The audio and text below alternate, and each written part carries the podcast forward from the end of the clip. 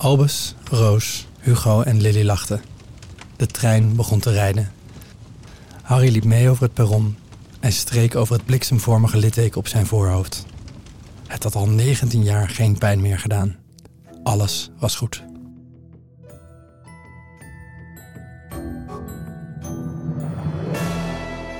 Welkom bij Fantasiewerelden, een podcast waarin wij, Esther, En Thomas, antwoord proberen te vinden op de vraag: hoe maak je een goede fantasiewereld?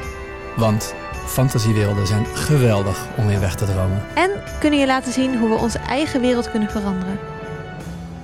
Wij maken voor de Universiteit van Amsterdam het vak Worldbuilding voor Changemakers en Storytellers. In deze podcast hoor je over ons onderzoek naar het bouwen van fantasiewerelden en helpen we je er zelf een te maken. Want in Nederland hebben we veel te weinig fantasy-schrijvers. In deze aflevering hebben we het over de bestemming. Welke stappen moet je zetten om mensen door je wereld heen mee te nemen? Welke ontwikkeling maakt je held door? Kies je wel of niet voor eindgoed al goed? We leren over de stappen van storytelling van Mieke Bauma. Thomas brengt een ode aan narratieve transportatie. En we helpen jou het verhaal en jouw wereld rond en af te krijgen.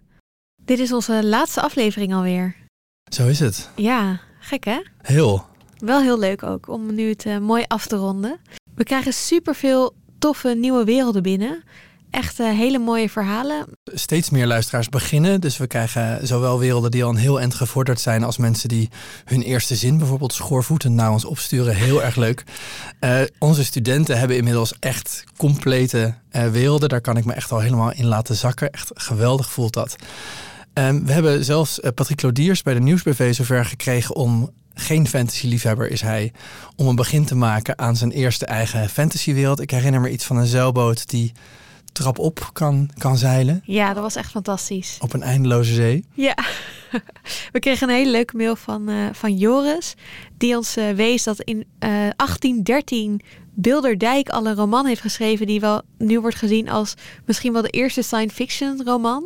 Ik moest meteen denken aan dat Thomas Oldeheuvelt zei. Eigenlijk zijn heel veel Nederlandse literatuurverhalen een soort fantasyverhalen. Hè? Ook Harry Mulisch. Eh, dus ja, dat soort mails krijgen we allemaal binnen. Ver voor Louis Stevenson met Schateiland. Dus misschien kunnen we gewoon zeggen dat eh, fantasy schrijven in Nederland begonnen is. Ja, Dat we die traditie terug moeten halen naar vind ik Nederland. eigenlijk wel. Let's reclaim fantasiewerelden. Ja.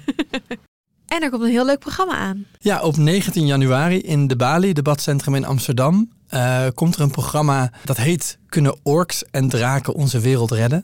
En dat programma gaat over de vraag: wat is nou die aantrekkingskracht van fantasy? En vervolgens, wat kunnen we met fantasy? Wat kan fantasy ons bieden? Nou, dat ligt heel mooi in het verlengde van onze kweesten, van ons vak.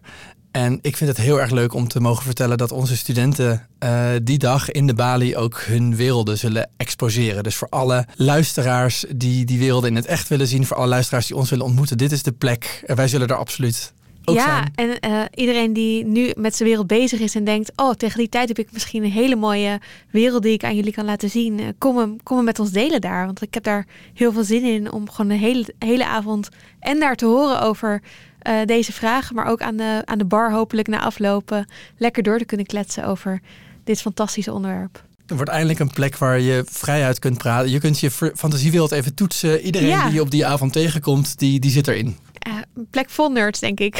Ik hoop het. ik hoop het ook. En hoe gaat het eh, met jouw eigen wereld, eh, Thomas? Ja, ik had na de aflevering eh, vorige week had ik een soort van revelatie. Ik had die, die archetype eh, test gedaan. Daar kwam bij mij dat weeskind uit. Dat was mijn anti-archetype.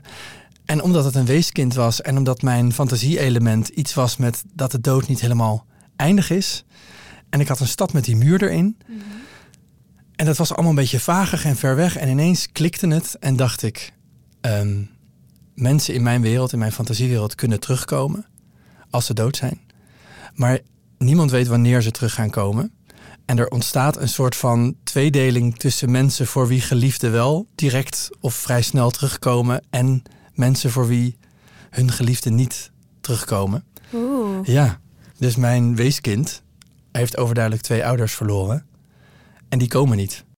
Oh. Oh, zielig. Ja, maar ze weten helemaal niet waarom mensen terugkomen. Want het kan natuurlijk ook zijn dat, dat die ouders denken... ik wacht nog 100 jaar, want ik ben heel benieuwd hoe de wereld er dan uitziet. Of zo. Ik, weet, ik weet nog niet precies, maar er is... dat is ook de kloof. Eh, de kloof is tussen mensen die als het ware zeggen... ja hoor, al mijn geliefden hebben nog, zijn nog even komen kijken.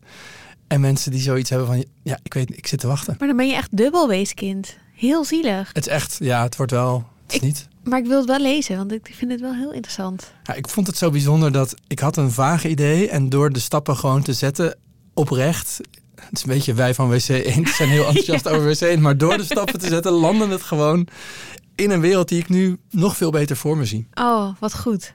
Ja, fijn dat onze eigen theorie ook werkt. Absoluut. Op onszelf. Voor ons werkt het uitstekend. Precies. Mensen, voor ons werkt het heel goed.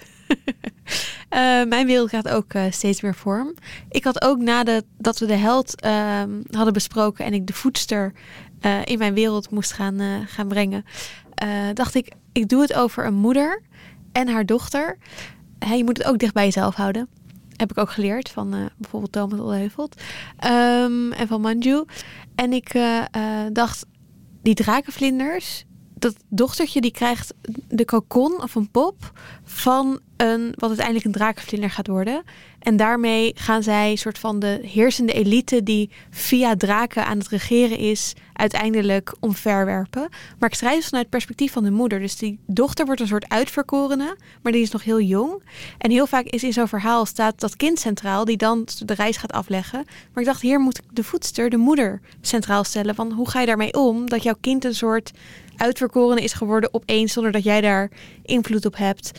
En wat dat kind dan allemaal overkomt. Leek me leuk. Wat mensen niet zien is dat ik al 30 seconden lang met hele opgetrokken wenkbrauwen heel enthousiast aan het knikken ben. Ja, Want dit is heel erg leuk om niet vanuit dat kind te schrijven, maar vanuit eh, de moeder. En dat was de voedster waar jij terecht kwam. Korte vraag, gaat het goed aflopen bij jou?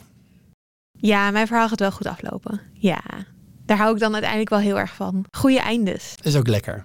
Maar gaat jouw verhaal goed aflopen? Ik twijfel nog. We hebben in, de, in onze lessen hebben we daar een uitgebreide discussie over gehad met alle studenten. Die waren ook ongeveer 50-50 verdeeld tussen goed einde en niet helemaal goed einde. We hebben een oproepje gedaan aan al onze eh, Instagram-volgers om te vragen wat zij belangrijk vinden. Moet dat einde goed zijn? Het is wel ergens lekker. Eh, onze lezers, eh, studenten en dergelijke kozen overtuigend voor een goed einde. Dus 82% zei dat einde moet goed zijn. Maar Jury eh, zei bijvoorbeeld: Je moet om tot een goed einde te komen, wel door een tragedie heen waar verlies bij hoort. Volwassen fantasy laat zich niet altijd vangen in een sprookjesachtige afloop. En Lisa ging meer de filosofische kant op en vroeg zich af: wat is goed? Wat een goed einde is, kan voor haar iets heel anders betekenen dan voor iemand anders. Ja, ik merkte ook in de discussie die we hier dus met onze studenten over hadden, dat heel veel mensen waren het hier eigenlijk mee eens van eh, het moet misschien wel goed aflopen, maar voor iedereen is een goede afloop iets anders. En ik denk dat, dat wij al best wel verschil hebben in wat we een goed einde vinden. Ik denk dat het vooral belangrijk is dat er in het verhaal wel ook erge dingen gebeuren. Dus het kan ook pas goed aflopen als het eerst goed misgaat. Mieke Bauma, de storytelcoach die we voor deze aflevering hebben gesproken, zei iets over de functie van een einde. Ja, ik ben altijd echt van denk goed na over hoe je dat einde eh, vorm geeft. En, en, en de gelegenheid geeft voor je publiek om ook even daarin te blijven. Dus raffel het niet te snel af. Blijf even hangen in dat gevoel van dit is waar het om gaat. Blijf even hangen. Geef mensen even de tijd om te, te bedenken, dit is waar het om gaat. Maar wij dachten allebei toen we dit luisterden, maar niet te lang. Nee, ik moest meteen denken aan het einde van, eh, van Lord of the Rings. en dat je dan denkt, oh, mooi einde, die kroning. En dan, oh, nog een einde. Sam komt ook nog bij zijn liefje. Oh, nog een einde. Frodo gaat nog mee op die reis. En dat je dan denkt, ja, oké, ehm, het is al drie keer heel bevredigend, een, een heel bevredigend einde geweest. Het Het, is duurt goed. echt 30 Ja. minuten volgens mij na die Ja. kroning nog. Ja, En die film duurt al heel lang. En het boek sowieso ook. Dus, hè, wel even blijven hangen, maar misschien niet te lang. Ik heb datzelfde met het stukje wat ik voorlas waarmee ik de uitzending opende. Ik vind dat we elkaar heel veel series en fantasywerelden moeten tippen. Maar ik vind ook dat we moeten zeggen wanneer je ermee moet stoppen. Lees niet, als je voor het eerst Harry Potter gaat lezen, die epiloog. Dat 19 jaar later stuk, dat moet je gewoon overslaan. Het is te zoetsappig, het is te af, het is te rond. Ja, eens. Het is toch ook wel prachtig dat ze gewoon met heel veel verliezen, maar wel uiteindelijk de Battle of Hogwarts winnen. Dat is toch gewoon, daar kan het gewoon aan stoppen. Klaar.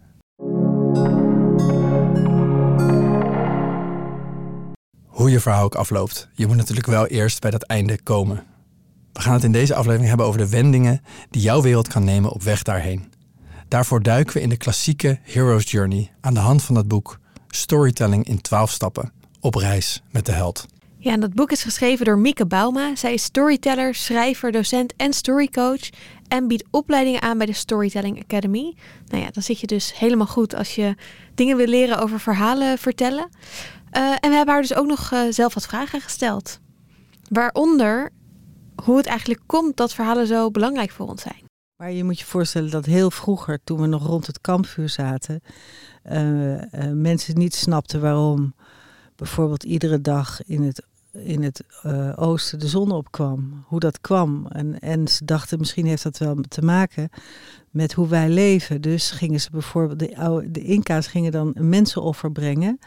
Iedere avond om ervoor te zorgen dat de volgende dag er de zon weer zou opkomen. Totdat ze er op een gegeven moment achter kwamen dat dat dus maar een verhaaltje was wat ze zichzelf hadden aangepraat. Maar de mensen wilden dus verbanden leggen. En, uh, en verhalen zijn een uitstekend medium om verbanden te leggen.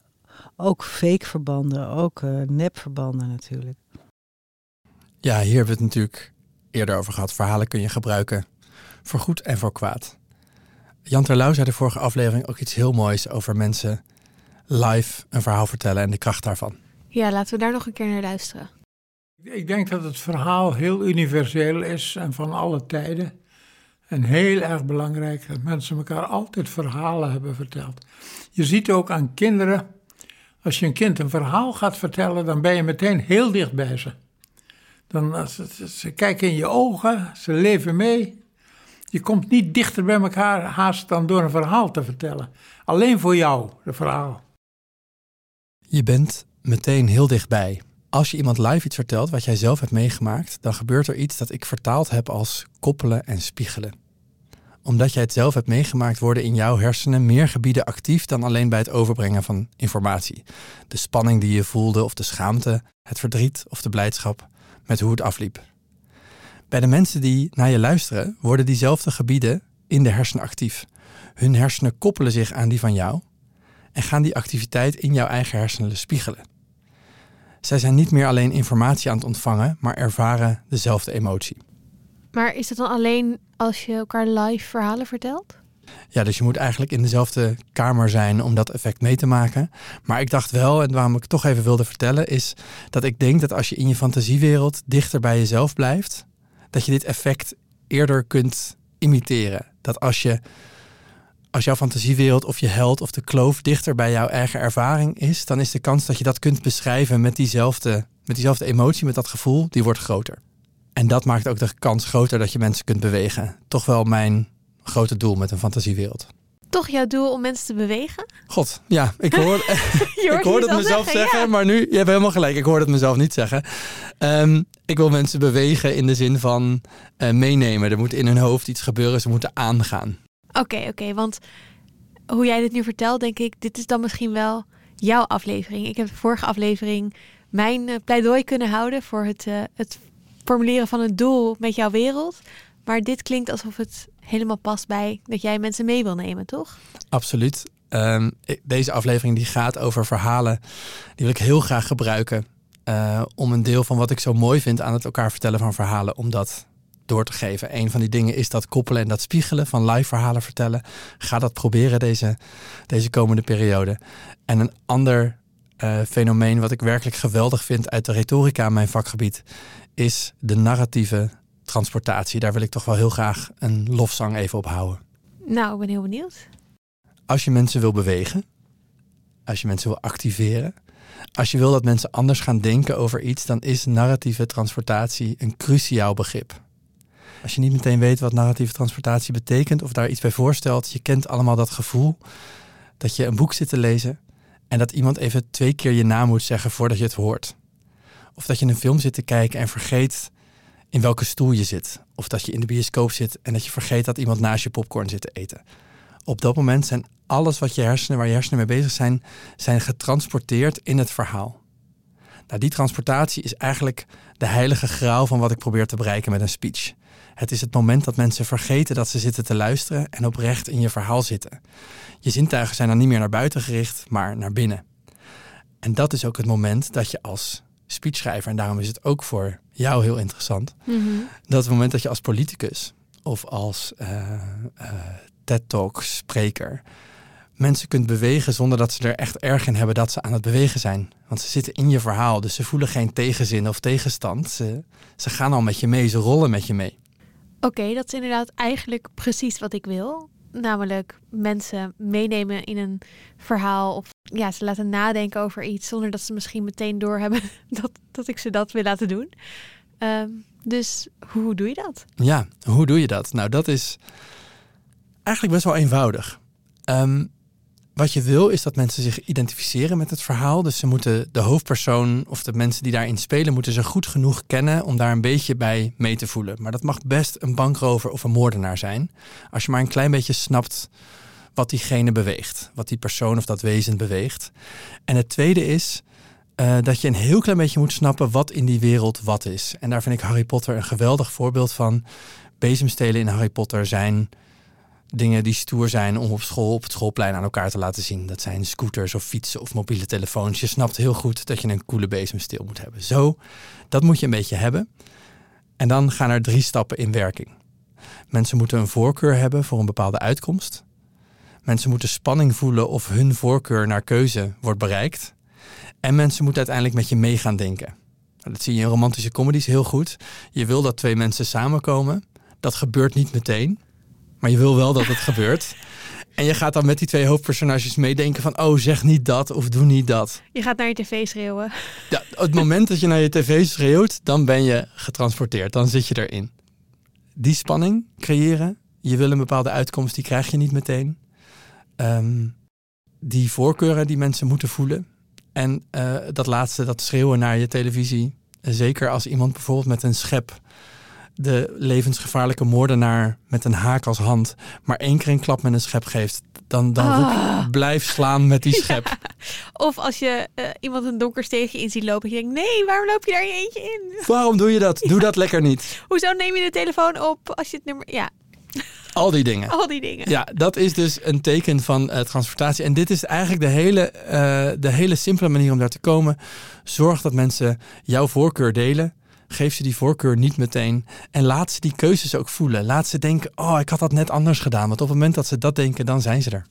Maar als ik nou goed luister aan deze lofzang, ode aan uh, narratief transportatie, dan noem je het toch best vaak, ik durf bijna niet nog een keer te benoemen, maar dat je wil dat mensen zich gaan bewegen of dat je daar dit voor kan gebruiken. Dus ik begin toch te vermoeden dat jij langzaamaan een beetje zo richting mijn kamp aan het schuiven bent. En dan moet ik daar meteen bij zeggen dat ik hiervan meteen denk, oh, dit kan ik heel goed toepassen. Dus ik kom ook wel een beetje richting jouw kamp. Ja, ik zag je al heel enthousiast knikken tijdens die stukken. En ik moet ook toegeven, je kunt het daar uitstekend voor gebruiken. Uh, we spraken Mieke dus. En net zoals bij alle uh, mensen die we hebben gesproken, hebben we natuurlijk ook aan haar voorgelegd wat zij denkt dat uh, belangrijk is aan een fantasiewereld. Of het belangrijkst. Om mensen echt mee te nemen in een verhaal. Of om mensen te overtuigen om iets te veranderen in deze wereld. Ja, dat is een heel mooi onderscheid. Inderdaad, ik, in mijn eigen lessen, die ik ook geef, um, leg ik altijd uit. Je hebt twee soorten storytelling. Je hebt intrinsieke storytelling, of zou ik maar zeggen. Dus ik weet niet of dat een goed woord is, maar storytelling om het goede verhaal. En je hebt purpose storytelling. En uh, vooral in de wereld van, uh, ja, ik zal maar zeggen, als je een roman wil schrijven of een mooie film wil maken, of uh, dus echt gewoon een goed verhaal om het verhaal wil maken, ehm, dan ben je gewoon bezig met alle ingrediënten van een goed verhaal te verkennen en dan maak je een. een maar als je bijvoorbeeld in een bedrijf mensen op een nieuw spoor wil zetten, of je wil een team meer samensmelten of je wil een bepaalde koers uitzetten, dan noemen we dat vaak purpose storytelling. Want dan vertel je een verhaal met een heel specifiek doel. Intrinsiek of purpose, uh, dat zouden hele mooie nieuwe namen zijn voor onze teams. Ja, maar ik zit nu wel te denken dat we misschien, ook omdat dit de laatste aflevering voorlopig is, we die kampen misschien toch een beetje los moeten gaan laten. Want ik heb me eigenlijk wel overtuigd dat je ehm, uiteindelijk toch vooral ook transportatie nodig hebt van een goed verhaal. Om echt effectief te zijn om iemand ergens toe te bewegen. Ja, en als je iemand eenmaal helemaal hebt meegenomen in jouw wereld, dan ga je sowieso iets overbrengen, of je dat nou wil of niet. Laat dat dan, wat mij betreft, een diepere boodschap of een mooi doel zijn. Dus een effectief, geweldige fantasiewereld. Ja, dat is echt heel mooi. Ik ben blij dat we toch een soort van, ja, dat uiteindelijk niet jouw kamp of mijn kamp heeft gewonnen, maar we een soort nieuw gezamenlijk kamp hebben gemaakt. Heel gezellig, Ja. voelt het meteen. Ja, Ja. precies.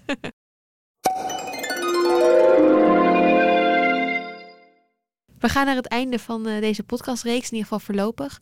Maar we gaan vandaag ook op weg naar de bestemming van onze eigen fantasiewerelden. En we hebben eh, een begin gemaakt, we hebben een kaart, we hebben een fantasie-element, een held, een probleem. Dus eigenlijk is het einde, die bestemming, iets wat ons nog te wachten staat. Maar hoe gaan we daar komen? Nou, in twaalf stappen. Ja, Mieke Bauma vertelde ons over de grondlegger van wat je wel de basis van het verloop van goede epische verhalen zou kunnen noemen. Joseph Campbell. Ja, Campbell die heeft dus inderdaad eh, eh, na jaren studie eh, geconstateerd dat in bijna alle verhalen dezelfde element of dezelfde principes, dezelfde wetmatigheden terugkomt. Eh, en hij, eh, hij noemde dat de reis van de held, de hero's journey. En hij heeft daar 17 stappen in onderscheiden. Nou, en dat, daar heeft hij onder andere mee ge- ge- gewerkt ook met een filmmaker. Eh, Star Wars is daar onder andere uit voortgekomen. Daar heeft hij ook aan meegewerkt of meegedacht over de opbouw. En dat was zo'n succes, dat Star Wars, dat ze in Hollywood dachten: wauw, dat is kennelijk een soort formule waar we geld mee kunnen verdienen. En toen is er een, eh, eh, een, een Disney scriptdokter, eh, Christopher ehm, Vogler, die heeft die 17 stappen van Campbell teruggebracht tot 12. Nou, Als je deze stappen gaat herkennen, dan ga je ze overal zien. In elk verhaal van het kleinste sprookje tot het meest epische negendelige bioscoop-epos. Je kan met deze twaalf stappen van elke kleine anekdote een episch verhaal maken. Ik doe dat in, in de les met studenten. Ehm, we nemen een beginnetje, we zetten die twaalf stappen en aan het einde zi- zijn we allemaal heel enthousiast aan het knikken omdat we gewoon een filmscript hebben. Cool. Ja, het is echt heel erg leuk om te doen. We gaan dit zo ook doen hè, aan het eind van de aflevering. Ja. ik vroeg me dan wel meteen af, als, jij, als klopt wat jullie zeggen, dat je dat meteen gaat herkennen als je die stappen kent, verpest dit dan niet het kijken naar films of het lezen van boeken? Ja, deze vraag krijg ik heel vaak. Vooral als ik voor het eerst aan in mijn eigen lessen deze stappen behandel met allerlei filmfragmenten. En dan zeggen ze, ja, maar dan kan ik nooit meer onbevangen naar een film kijken. Terwijl mijn ervaring is eigenlijk dat het een, dat het eh, gelaagder experience wordt om naar een film te kijken. Omdat je, als het goed is, kun je de, de, word je geboeid inderdaad door de verhaallijn. En kun je er ook in meegaan, maar kun je ook nog de sensatie hebben van wauw, wat een prachtige drempelscène is dit. Of, eh, nou ja, dus je kan, het is meer een achtbaan, laat ik het zo zeggen. Je kunt op meerdere niveaus genieten van een film, omdat je denkt, wat is dit knap gedaan? Of in een geval van niet zo'n goede film, denk je, ach wat jammer, gemiste kans. Hier hadden ze, hadden ze net even iets moeten aanscherpen. Ja, dit heb ik dus met speeches ook. En jij misschien ook al met, met campagnes. Echt goede speeches die blijven vervoeren. En juist de kennis die je hebt laat zien hoe knap ze gemaakt zijn. Ik heb alleen bij films eh, dat ik denk, ik wil niet helemaal. Ik wil niet bij films niet helemaal zien hoe ze gemaakt zijn. Want ik me wel een beetje wil, ja, wil laten verrassen. Of wil, ik, ik, wil, ik wil niet te veel weten. Ik ben wel zo'n nerd dat ik alles op Reddit en zo ga opzoeken. Of de eh, IMDb trivia van alle achtergrondfeitjes van die films vind ik wel heel leuk om te weten. En dan nog steeds is het voor mij wel magisch en kan ik er naar kijken met heel veel plezier. Dus ja, voor mij is het denk ik wat minder erg als ik die stappen de hele tijd ga herkennen.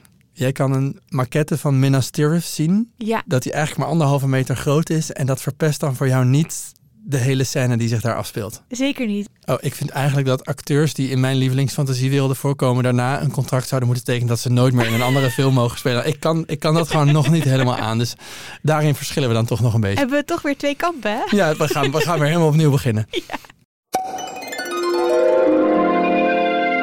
Dan gaan we naar de laatste opdracht.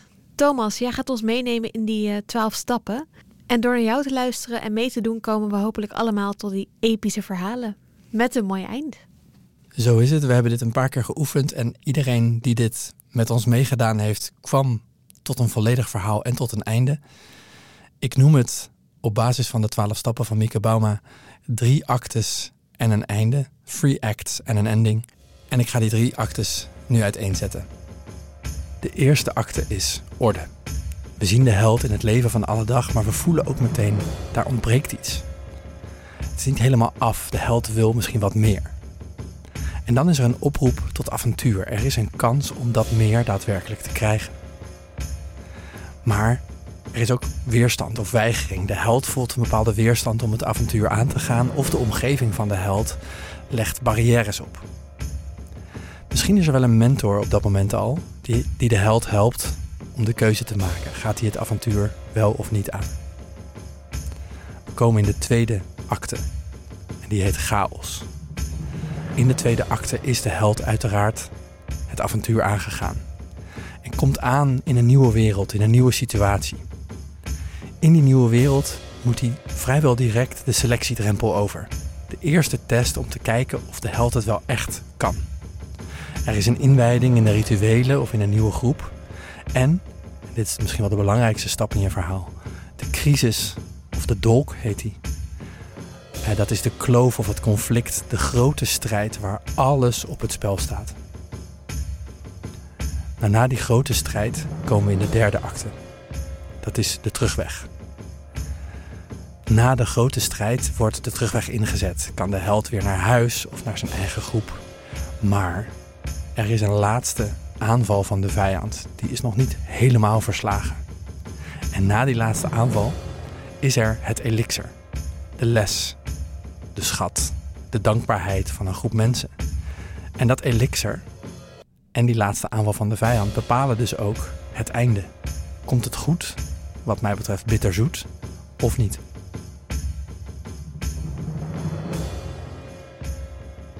Heel leuk om dit te horen en meteen in mijn hoofd mee te doen.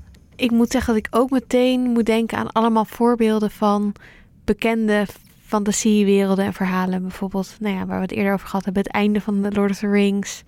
Uh, maar ook dat ene laatste gevecht, of het laatste gevecht dat ze dan nog moeten voeren. Het grote gevecht is al over, maar er is toch nog een strijd. Nu nog dit goed toepassen op mijn wereld. Waar gaan de drakenvlinders een rol spelen? Ik ben heel erg benieuwd. Ik vind de Matrix het mooiste voorbeeld van hoe je deze twaalf stappen echt helemaal precies van selectiedrempel tot eerste test en zo tot leven ziet komen. En wat ik zelf heel grappig vind, zijn de films waarin jonge man of vrouw gaat naar grote stad en komt in de modewereld bijvoorbeeld terecht. Oh, The Devil Wears Prada. Ja, daarin zitten deze stappen ook echt ontzettend zuiver. En dan is bijvoorbeeld de laatste aanval van die vijand. Je mocht je hele eigen modecollectie maken, maar iemand gooit daar nog verf overheen. Vlak voordat uh, de modellen de catwalk opgaan. Maar dat maakte dan eigenlijk net voor die spe special, het special effect dat het fantastisch wordt. Ja, ja, ja. ja. Dan zit de oh, criticus op rij 1 zit zo enthousiast te schrijven, want dit is toch wel heel erg origineel, deze kleren. Ik ben heel benieuwd hoe jij dit op jouw wereld toepast. Uh, ik ga er zelf mee aan de slag voor mijn wereld. Dus ik denk dat we nog een soort extra bonusaflevering moeten gaan maken waarin we die werelden, waarin we de luisteraar meer meenemen in die werelden.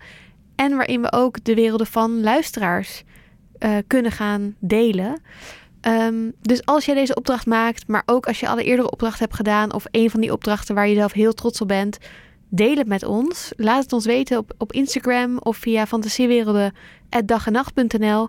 Dan kunnen we je misschien wel uh, meenemen in die special episode uh, die er nog aan gaat komen. Ja, er zijn mensen die hun hele wereld al gemaakt hebben. Die kunnen we dan aan iedereen eigenlijk presenteren.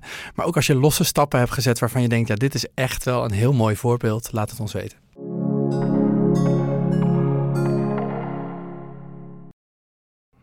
En dan, voor het laatst, wat hebben we geleerd?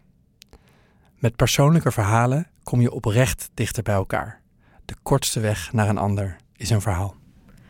Wat een goed einde is, is voor iedereen anders. Het kan wel slecht aflopen met de held en toch een goed einde zijn, of andersom. Je kunt met een fantasieverhaal de wereld veranderen. Maar daarvoor heb je wel echt een goed verhaal nodig. Eens. En 12 stappen creëren uit het niets een episch avontuur beloofd. Ons project is nog niet klaar. Op 19 januari in de Bali is er een programma over fantasiewerelden. En wij blijven jullie werelden verzamelen, zodat we hopelijk aan de basis staan van nieuwe Nederlandse fantasiewerelden. Dit was de laatste aflevering van een reeks die ons via Het begin, de kaart, de draak, de held de kloof, en de bestemming bracht bij een nieuwe fantasiewereld. Of zelfs een hele berg nieuwe werelden. Wij gaan nog even heel goed nadenken over een vervolg, ook omdat we volgend jaar het vak hopelijk nog een keer mogen geven. Daarvoor spreken we dan vast nieuwe makers, of we kunnen misschien de gemaakte werelden wel voorleggen aan makers als George R. R. Martin, Anka Jemisin en Stephen King. We zijn natuurlijk ook heel benieuwd wat jouw wensen zijn voor een volgend seizoen. Wat zijn de dingen die jij nog wil leren nu je begonnen bent aan je eigen wereld? Laat het ons allemaal weten, naast het delen van jullie eigen werelden natuurlijk.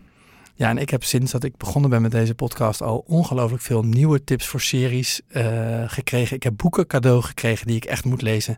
Dus ik denk dat we ook een club gaan beginnen met mensen die fantasiewerelden die nog niet iedereen kent, uh, met elkaar deelt. Zodat we ook wat breder ons kunnen gaan ontwikkelen. Ja, ook daarvoor kan je ons de komende tijd blijven volgen. Vooral via ons Instagram kanaal, denk ik. Het heet gewoon heel makkelijk Fantasiewerelden. En wij gaan dus uh, in ieder geval nog een aflevering maken waarin we onze eigen werelden en die van jullie luisteraars uh, een, een mooi platform gaan geven. Helemaal uitwerken, ja. Dus uh, tot in de sequel. Of de prequel. De saga. Tot daar. Dit was podcast Fantasiewerelden. Een podcast die wij, Thomas van Neerbos en Esther Krabbedam, maken bij Dag en Nacht Media en naar aanleiding van het vak dat we geven voor de UvA, Worldbuilding for Changemakers en Storytellers. Muziek was van Lucas de Gier, artwork door Daan van Bommel en de podcast is tot stand gekomen met hulp van Tim de Gier, Emma Timmermans, Meerte van Munster en Meerte Verhagen.